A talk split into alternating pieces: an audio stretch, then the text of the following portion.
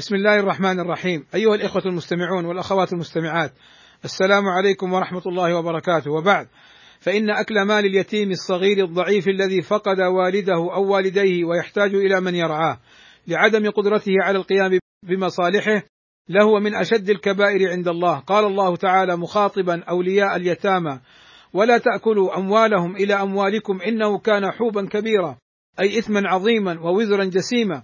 وقال تعالى في من يأكل مال اليتيم ظلما بغير حق إن الذين يأكلون أموال اليتامى ظلما إنما يأكلون في بطونهم نارا وسيصلون سعيرا. قال العلامة السعدي رحمه الله تعالى هذا أعظم وعيد ورد في الذنوب يدل على شناعة أكل مال اليتامى وقبحها وأنها موجبة للدخول في النار فدل ذلك على أنها من أكبر الكبائر نسأل الله العافية. انتهى.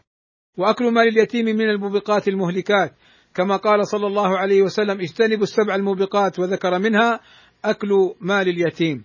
ولخطورة ولاية اليتيم نهى النبي صلى الله عليه وسلم أبا ذر عن ولايته. فعن أبي ذر رضي الله عنه أن رسول الله صلى الله عليه وسلم قال يا أبا ذر إني أراك ضعيفا وإني أحب لك ما أحب لنفسه. لا تأمرن على اثنين ولا تولين مال يتيم. فالحذر الحذر عباد الله من أكل أموال اليتامى ظلما والسلام عليكم ورحمة الله وبركاته.